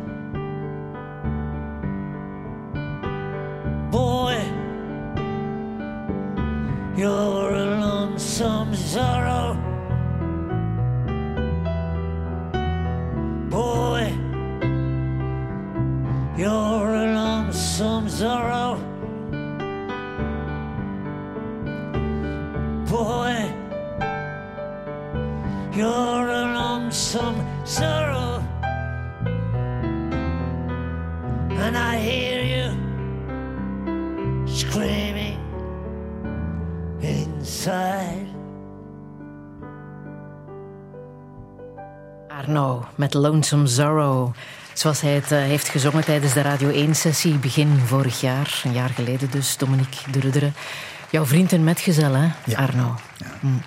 Wanneer mis je hem het meest? Maar ik denk elke dag aan Arno. Dat is heel raar soms, omdat er interviews zijn. Maar zelfs als er geen interviews zijn, hoor. Ik denk elke dag aan hem. Dat is heel vreemd. Maar ik ben niet de enige. Ik voel dat als ik in Brussel soms terugkom eh, en ik eh, zie vrienden van vroeger terug, of, of soms mensen gewoon op straat zo. Hij is een gemis, denk ik, voor heel België. Zeker daar, in, in, in die wijk en, en bij, bij de mensen die hem kenden. Eh, maar voor heel veel mensen is, laat hij echt iets, een gat na. Dat Mhm. is een feit. Ja. The Lonesome Zorro Ja. is niet meer. De Lonesome zo is niet meer. Nee. Heb je een speciale band met dit nummer, dat je dit wou laten horen? Ja, ik vind altijd. Arno zegt dat en Jan de Korte ook, dat het gaat over Jan de Korte. En ik ga Arno niet tegenspreken. Als hij zegt het gaat over Jan de Korte, dan gaat dat over Jan de Korte. maar voor mij gaat het over hem. Eh, ik, voel, ik herken daar veel Arno in. Eh, dat, Arno eh, was een heel sociale mens, daar niet van. Heel sociaal, maar dat was ook zoiets, als je er lang er was ook zoiets, dat, en we hebben het allemaal wel hoor. En iedereen is wel een beetje eenzaam ergens. Maar hij kon dat toch wel sterk hebben, zo plots. Eh, en, en hij noemde dat als een autisme, en dat zal ook wel zo zijn. Maar ik, voel, ik vind dat hij een lonesome Zorro was, ja. Mm. Hij was ook een van de hombres complicados. Hè? Ja, ja, ja. ja, dat is eigenlijk zijn idee. Die foto, dus die, wij waren, trokken veel met elkaar op. Hè. Mark Didde, Jose Pauw, Arnootje en Jan de Korte en ik zeker. Ik ben niemand vergeten, denk ik. Eh, en op een bepaald moment, dat was ergens in de jaren tachtig, zijn we weer allemaal samen in de Archiduc. En Arno werd gevolgd door een fotograaf uit Parijs. Die moest foto's van hem trekken. En het was in één keer zijn, die zei, mannen, we moeten dit vereeuwigen. Dat wij er vijf zo dikwijls samen zijn. En dan heeft, ze hebben naar de kok gegaan en daar heeft die eh, mevrouw, fotograaf, die eh, quasi beroemde foto getrokken van ons vijf samen, die we dan jaren later nog eens in, eh, in, in Oostende overgedaan hebben. Dat was echt helemaal Ernst een idee en nu zijn we allemaal wel blij dat die bestaat, want als we zo naar terugkijken, ja, dat maakt veel los natuurlijk. Hè. Ja. Je herkende jezelf ook in, in eh, Arno. Jullie hadden wel zowat dezelfde. ehm, ik weet niet of het kwetsuren zijn, dat is misschien een groot woord, maar jullie hebben allebei gestotterd.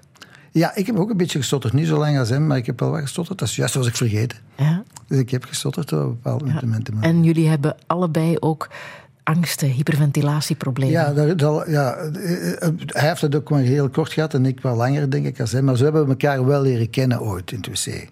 Eh, van een café. Dat was eh, eigenlijk de allereerste keer dat ik met hem sprak. Dat was via Marcel van Tilt, die toen eh, zijn rodi was, een vriend. En eh, ik kreeg weer een aanval. Ik had toen in de tijd veel last van hyperventilatieaanvallen. En ik kreeg weer een aanval. En wie had er natuurlijk weer gezien dat er iets mis was met mij? Arno. Die ik toen nog niet kende eigenlijk. Hè. En in het wc komt er mij achterna. Dat het wat miljoen, hè? Dat het wat. Maar die zag alles, Arno. Hè? Iedereen dacht altijd dat. Hij, maar hij zag alles hoor. En hij hoorde alles ook. Dus en, en ik zei, legde hem uit wat ik had. Ja, ik heb dat soms ook. Ken dat ook. Dat hou wel over, hou wel over. Nu weet ik niet of hij daar wel last, echt last van had. Maar het schikte wel een band, een, een, een eh, band tussen ons tweeën. Ja, en hoe kwam dat bij jou? Dat je daar last van had? Bij mij is dat omdat ik wel een angsthaas eh, ben. Maar nee, ik, mij had het veel te maken met... Ik was toen bezig met een kortspeelfilm. Vodka en Rage. En die was niet goed. En... oh, stom van mij. Om mij te troosten dronk ik heel veel vodka en Rage. veel en veel en veel te veel. En... eh, ik, ik rookte te veel en ik deed geen sport meer en zo verder. En, ja, en, dan en die film was niet goed en dat bleef mijn kop malen. En, en eh, ja, op een bepaald moment kreeg ik zo'n aanval. Ik dacht echt dat ik dood was. Dat ik dood ging. Ik weet nog goed... Het is eigenlijk stom. Ik, eh, Lorette, ik zei tegen Lorette, belt de ambulance, ik heb een hartinfarct. Ik ga dood. En Lorette zo garm in paniek, hè, die belt. En, en die is zo in paniek dat ze... En dat is een Franstalige gast aan de telefoon. Lorette zegt, hoe zeg je hartinfarct in het Frans? En ik, Chris Cardiac, godverdomme. Die, ze was helemaal oversturen. En eh, ja, het moment, en ik weet nog goed dat moment, ik dacht, het was ook, lag helemaal verkrampt. Tot en met, wat dan je, spieren verkrampen zich. En ik dacht, oké, ik ben eraan, dat is het. En op dat moment zelf ontspan ik mij volledig, het is allemaal in orde. maar ik dacht echt dat ik eraan was. En eigenlijk is dat... Het is niet aan te raden, zo'n hyperventilatieaanval. En, eh, maar eigenlijk dat moment zal ik niet vergeten, want ik dacht echt dat ik eraan was. En ik vond het plotseling oké. Maar je hebt er ook iets aan gedaan dan toch? Ja, ja, natuurlijk. Ik dacht, maar ik heb er wel redelijk toch een jaar last van gehad. En dan dacht ik, oké, nu is het genoeg. Ik stop met roken, ik stop met drinken en ik ga joggen terug. Want ik ben altijd heel sportief geweest. En ik denk dat een van de redenen dat ik dat had, was omdat ik niet meer sportief was. Dus ben ik terug beginnen te lopen en, en meer bewegen en it was gone.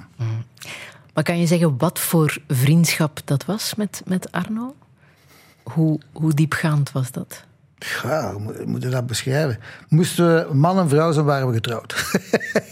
Ja. Dat is eigenlijk iets heel raar, want Arno had dat ook altijd. Als we echt, als we dan, het is niet dat we altijd zat waren, hè, maar zeker naar het einde zo toe. Als we zat waren, wilden we altijd met mij dansen. Dan gingen we een beetje boogie-woogie dat. Daar bestaan waarschijnlijk filmpjes van. Eh, maar nee, dat was, dat was, we verstonden elkaar goed. Maar Arno, pas op, is een heel sociale mens. En er zijn mensen die echt nog intiemere band met hem hebben en van langer kennen en zo. Eh, maar wij hadden ook wel een echt goede band, ja. Hoe heeft hij jou laten weten dat hij ziek was? Wel, dat was heel vreemd, want Lorette belde eigenlijk naar hem voor, dacht, voor, iets, voor een kaartje te krijgen voor een optreden voor een vriend van ons. Want wij konden zelf niet gaan. En ik heel een keer hoor ik Lorette zeggen, oh nee Arno, oh nee. Ik zeg, wat is het? Eh, en Lorette zei, ja Arno heeft kanker. Ik zeg, en hij heeft de telefoon aan mij gegeven en hij heeft me gezegd, ja ik, ik heb kanker, eh, pancreas. Ik zeg, ja hij hoorde dan ook dat ik helemaal aangedaan was. En hij zei, ja, het is niet erg, doe me niks, ik heb een schoon leven gehad. Dat zei hem dan tegen iedereen, maar dat kwam wel binnen natuurlijk. Ja. En toen heb je die documentaire gemaakt, hè, Charlotte. Ja, dat was al, men had me daar al een tijd daarvoor gevraagd of ik die documentaire wil maken. En ik vond me niet geschikt, want toen was Arno nog gezond. Hè. Eh, ik, ik vond, dacht, ik ben te close tot Arno. Dat gaat gewoon niet goed zijn. Dat ik voelde me daar niet goed bij. Maar toen eh ja, ziek was, toen dacht ik, oh, godverdorie. Er bestaat geen echte goede documentaire in de zin van een, het vertellen van zijn leven. Bestaan wel eh, documentaires die iets van hem belichten. Maar nie- niemand heeft had zijn leven verteld, volgens mij. Dus toen heb ik hem eerst gebeld. Ik zei, zullen we dat oké vinden als ik, eh, als ik een documentaire over iemand... Maar ook. maar ik hoorde dat ze wisten, hè. Maar ook. Allee, zo was.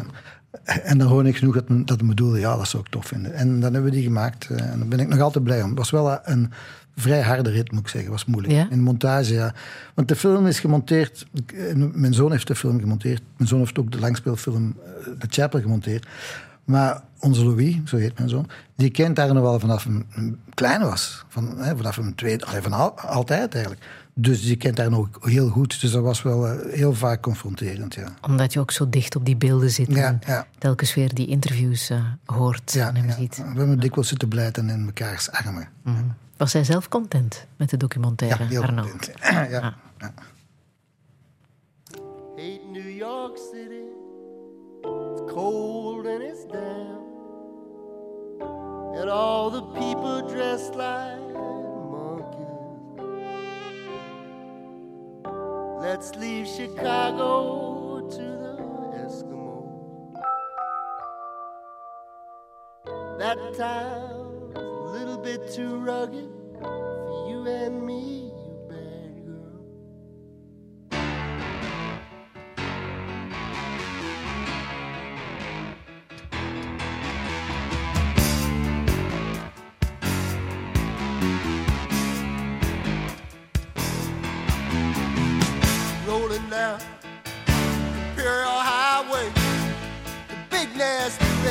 my.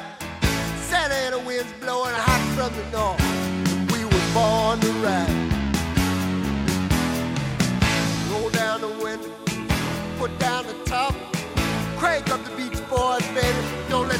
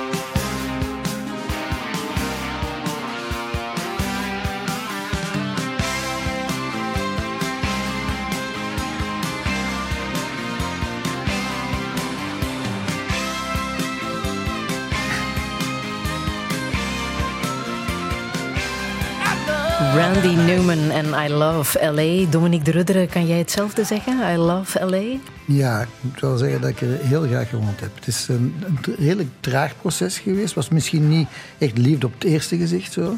Maar eh, het is echt wel gegroeid. Ik voelde me wel op een bepaald moment echt een Angelino. En, en hoe komt dat? Wat heeft jou dan toch... Dat is een heel avontuurlijke stad. De- en dat is ook een stad van... Je weet nooit wat er... Gewoon op straat rijden. Hè? Want iedereen, mensen nemen de, meestal de freeway. Maar gewoon eh, op de straten die redelijk breed zijn. En zo breed als hier door de straten, zeg maar. Gebeurt altijd iets. Er gebeurt altijd iets. Die stad is zo zot. En je kan eh, tegen mensen aanbotsen. eh, Die, eh, ik bedoel, ik heb bijvoorbeeld op een bepaald moment... Is, waar we gingen meubels kopen... En eh, in zo'n zaak waar iedereen komt. En eh, ik bots in één keer eh, tegen iemand aan. En ik kijk op en ik zeg, terwijl ik zeg... Sorry, I didn't see you. En dat was Stevie Wonder. Echt waar. Het is precies een slechte grap, maar... dat was gewoon Stevie Wonder. En die had natuurlijk zo'n gast bij die me dan zo... Ja, het is oké, man, is oké. En ik werd weg. ik had er echt... Ik maar het is niet daarom alleen, omdat je dan beroemde mensen tegenkomt. Wat mensen veel vaak niet weten van Angeles is dat er is heel veel natuur, prachtige plantengroei. In de heuvels, hiken is magnifiek. En natuurlijk, het is een stad waar je bij wijze van spreken 's morgens kunt gaan surfen. Niet dat ik dat kan, maar mijn kinderen wel. En 's namiddags gaan, gaan eh, snowboarden. Dus eh, ja, dat maar ook een gevaarlijke stad. Ja, het is een gevaarlijke stad. Hangt er een beetje af waar je woont. Maar bijvoorbeeld, ja... Als we het nieuws van vandaag mogen Ja, absoluut. geloven, negen doden bij een schietpartij. Ja, het ge- daar gebeurt wel veel, maar het is een gevaarlijke stad. Heel de Verenigde Staten is gevaarlijk met die, eh, onnozel, die gebrek aan een echte goede wapenwet. Maar bijvoorbeeld mijn zoon, mijn oudste zoon eh, Vic, heeft American voetbal gespeeld in school. Dat wordt daar meestal gespeeld door van die goede, ruige, eh, zwarte gasten hè, van, van de hoed. Eh, En die goede vrienden waren en dikwijls bij ons thuis kwamen. Maar eh, drie, en ik denk misschien zelfs vier van die vrienden zijn ondertussen al overleden. Door gun violence. Hè. Eh, soms omdat ze in een, in een gang zaten. En soms missed identity, dat ze eigenlijk iemand anders wouden. Dus dat is wel zeer confronterend. Ja.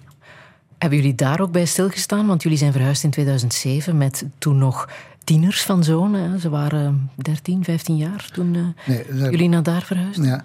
Ja, 13 en 15 jaar, we hebben daar totaal niet bij stilgestaan eigenlijk. Nee. We, hadden, we dachten dat we eigenlijk nogal in een goede wijk zaten, zeg maar.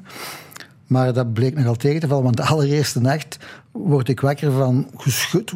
Het is geen aardbeving en het was een helikopter die boven de ontcirkel was, vlak boven ons huis.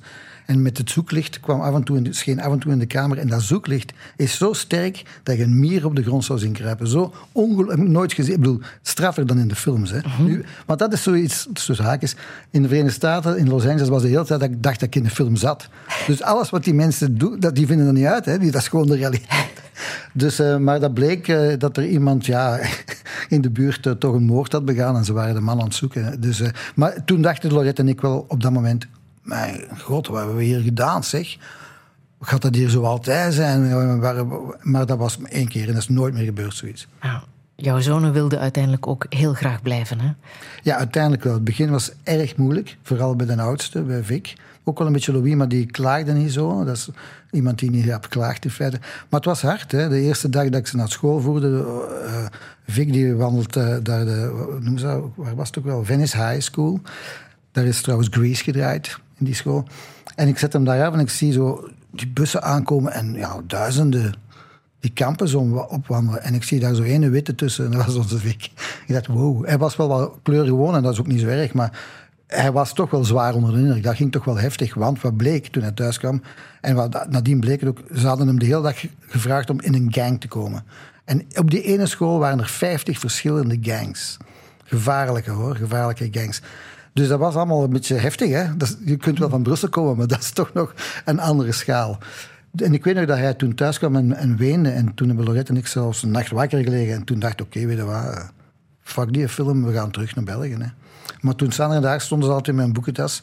Want ze wisten dat dat moest voor papa, hè, dat hem zijn film kon draaien. Ze zei, nee, nee, we zijn erover, we gaan, we doen door. Wauw. Ze zijn teruggewandeld, ja. Ja. Ondertussen zitten ze allebei in de film. Hè? Ja, ja. Mijn, Wat doen ze? eh, Vic is, eh, hij is tweede camerassistent. En Louise, eh, monteur. Hier Voor jou? in België. ja. Ja. Voor mij ook andere mensen. Werkt eigenlijk constant op dit moment. Wat ik fantastisch vind. Ja. En jouw vrouw, Lorette, is ook altijd eh, bij jouw projecten betrokken Ja, geweest. die hè? heeft altijd eh, kostuums gedaan. Van, van het prille begin van de allereerste eh kortspeelfilmpjes op school tot nu. ja. Dus jullie zijn een beetje een familiebedrijf. Ja, we zijn dat wel geworden uiteindelijk, ja. Ja. Maar gelukkig heb ik nog niemand moeten ontslaan. Maar als je nu terugblikt op die 15 jaar LA, is dat de moeite geweest? Ja, dat heb ik me soms afgevraagd, maar eigenlijk wel. Ik denk eh, vooral voor de kinderen eigenlijk. Eh, ik heb er spijtig genoeg geen films gedraaid, ook een beetje door mijn eigen fout en maar nog allemaal. Maar eh, ik denk dat de kinderen, dus de twee zonen, er alle twee heel veel aan gehad hebben. En dat voel ik aan hun. Dat heeft hun wereld wel eh, zeggen, verbreed. Echt hebben een andere kijk op de wereld dan. Niet, niet dat de kinderen hier in die hier geboren worden, maar dat helpt om een brede kijk op de wereld te, te krijgen en te houden. Ja. En voor jou, eh, was, je, was dat de beste keuze? Of had je een andere carrière kunnen hebben? Had je meer films kunnen maken als je onder de kerktoren was gebleven? Hoogstwaarschijnlijk wel, denk ik dan. Dat weet je natuurlijk nooit, maar hoogstwaarschijnlijk wel. Maar ja, ik, ik zat nu eenmaal kinder. En, ja, en dan probeer ik ook Amerikaanse films te maken. Dat volgens mij weinig zin. eh, Tot ik op een bepaald moment be- Flying Home geschreven heb. Maar in het begin dacht ik, ja, oké, ik ben nu hier eh, met deze projecten bezig, laat ik het maar doen. Dan denk je niet van, ja, heb ik de, nadien denk je, heb ik de juiste keuze gemaakt. Ik denk het eerlijk gezegd wel.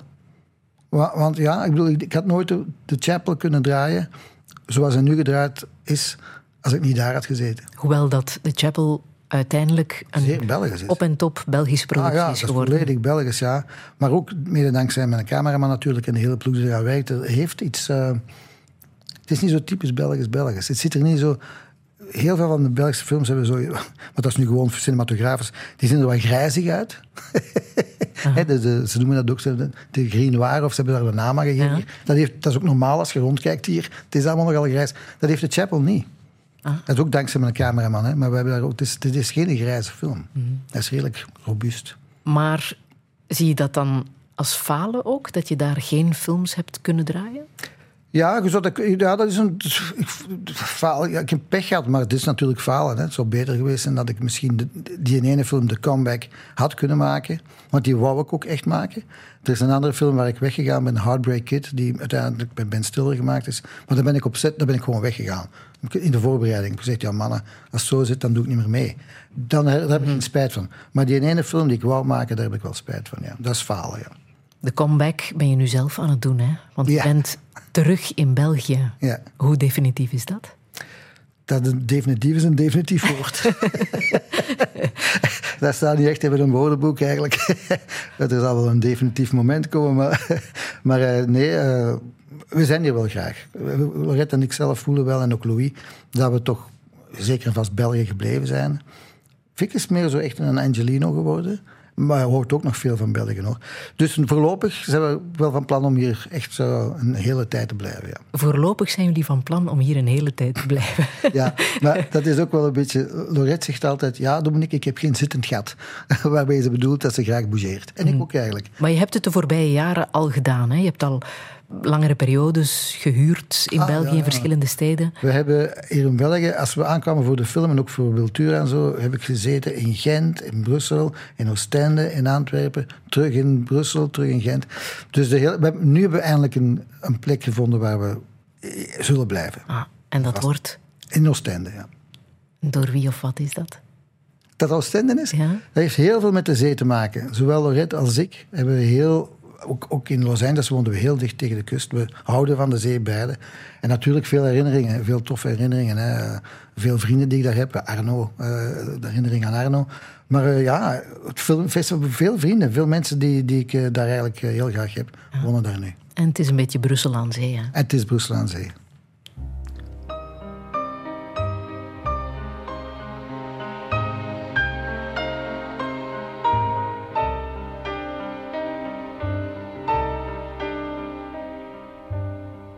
Bien sûr, nous eûmes des orages. Vingt ans d'amour, c'est l'amour folle. Mille fois tu pris ton bagage. Mille fois je pris Et chaque meuble se souvient dans cette chambre sans berceau des éclats des vieilles tempêtes. Plus rien ne ressemblait à rien, tu avais perdu le goût de l'eau et moi celui de la conquête. Mais mon mon doux, mon tendre,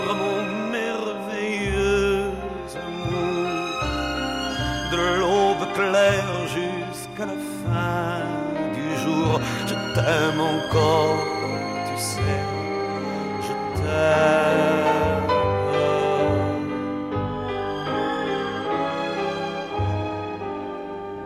Moi je sais tous tes sortilèges, tu sais tous mes envoûtements. Tu m'as gardé de piège t'ai perdu de temps en temps.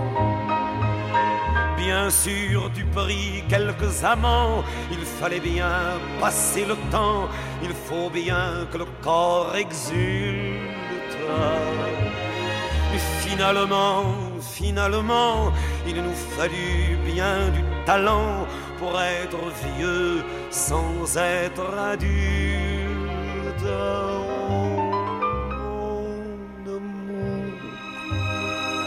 Mon doux, mon tendre, mon merveilleux amour, de l'aube claire jusqu'à la fin du jour, je t'aime encore, tu sais, je t'aime.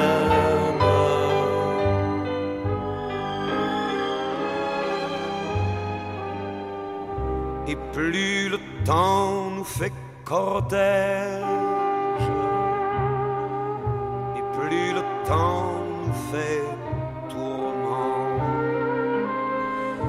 Mais n'est-ce pas le pire piège que vivre en paix pour des amants?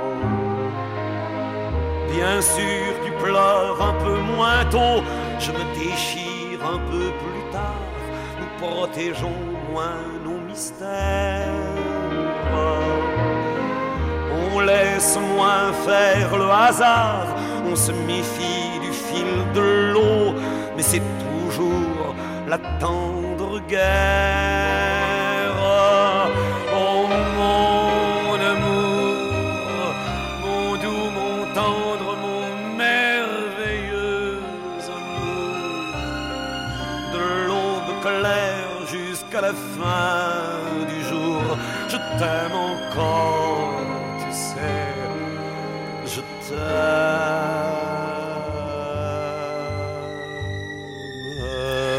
La chanson des vieux amants van Jacques Brel, Dominique de Rudderen. Die film die je ook niet hebt gemaakt, hè?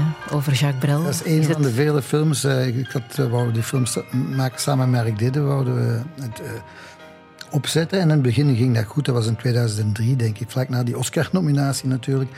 Ehm, de dochter van Brel was helemaal fan dat we dat gingen doen. Maar Mich, de, de echtgenote van Jacques, zag dat niet zitten. Dus hebben moeten opgeven. En jaren later, nu eigenlijk eh, vrij recent, hebben we gedacht... Oké, we gaan het nog eens proberen, want Mich is nu dood.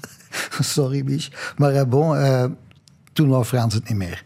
Maar goed, Maak en ik geven niet op en we gaan hoe dan ook samen een film maken. We gaan ons terug aan het werk, aan iets zetten. Want we hebben toch, eh, vinden van onszelf, niet al te slechte films gemaakt samen. Dus misschien kunnen we nog wel eens eentje proberen. Ja, het zou wel mooi zijn, hè? als je ja. dat nog samen zou kunnen maken. Dat is wel fijn.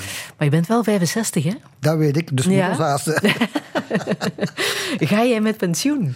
Nee, want dat lijkt wel een beetje zo. Hè? Als je ziet, eh, retrospectieve, memoires, eh, tiende, film. Wel een mooi, mooi getal om ermee te stoppen. Terug naar België Terug naar. België, naar Oostende gewoon. Ja, Nee, dat lijkt allemaal zo. het klinkt als hij gaat met pensioen. Ja, nee, ik ben wel mij bewust van mijn leeftijd. En ik eh, ben mij ook bewust van het feit dat hier heel weinig geld is om films te maken. En dat natuurlijk er enorm veel talent is. En dat ik waarschijnlijk niet van boren in de rij sta om, om eh, subsidies te krijgen of wat dan ook. Dus ik zou het moeten proberen te doen zonder subsidies. Maar opgeven niet. Zoals het boek dat ook de hele tijd laat zien, ben ik van plan te blijven filmen totdat ik eh, mijn laatste snik laat. Hè.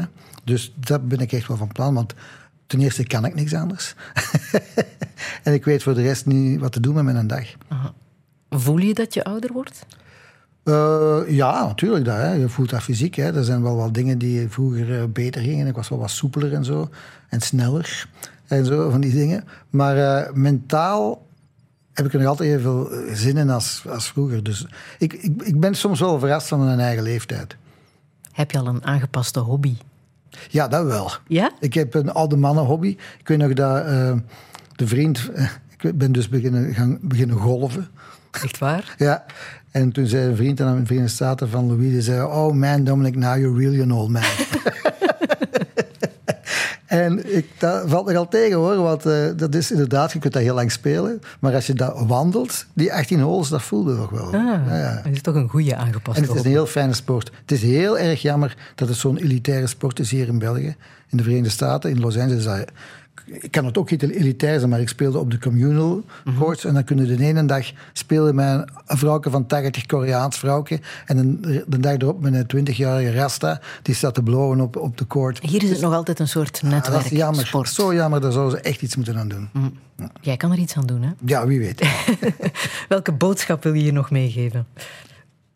Ja, pluk de dag zou ik zeggen, maar dat zullen ze wel allemaal. Eh, Het kan, eh, nee, boodschappen, daar ben ik heel slecht in. Geen dus. Geen. Doe vooral uw zin. Ja. Zullen we nog Moondance laten horen? Ah ja, absoluut. Ja. Daar zit ook een boodschap in, hè? Als we doen wat hij zingt, Ah, mij. dat is misschien een goede boodschap. Dat is een goede boodschap. Ja, en goed luisteren naar de tekst. Ja. ja Van Morrison.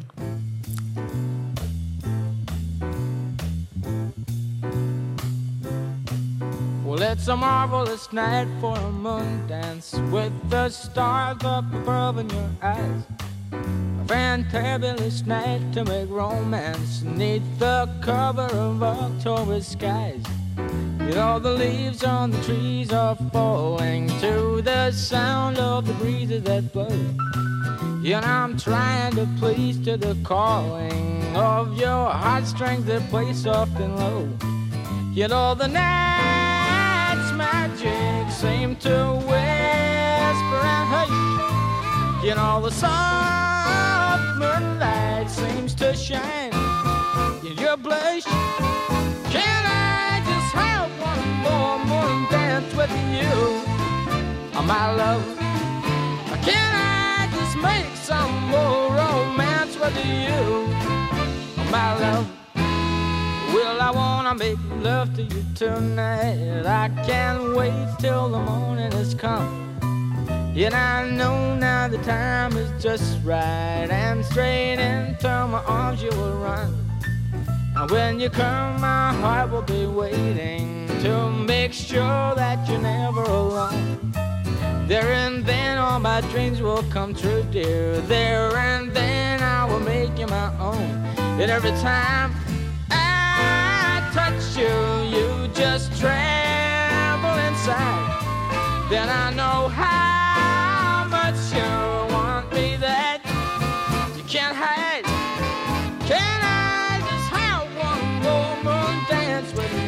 Prachtige Moondance van eh, Sir Van Morrison. Dominique de Rudderen, ik wil jou heel hartelijk danken voor het eh, fijne gesprek. Veel succes met The Chapel. Alle info over de dingen die hier ter sprake zijn gekomen kan je nalezen op onze website radio1.be.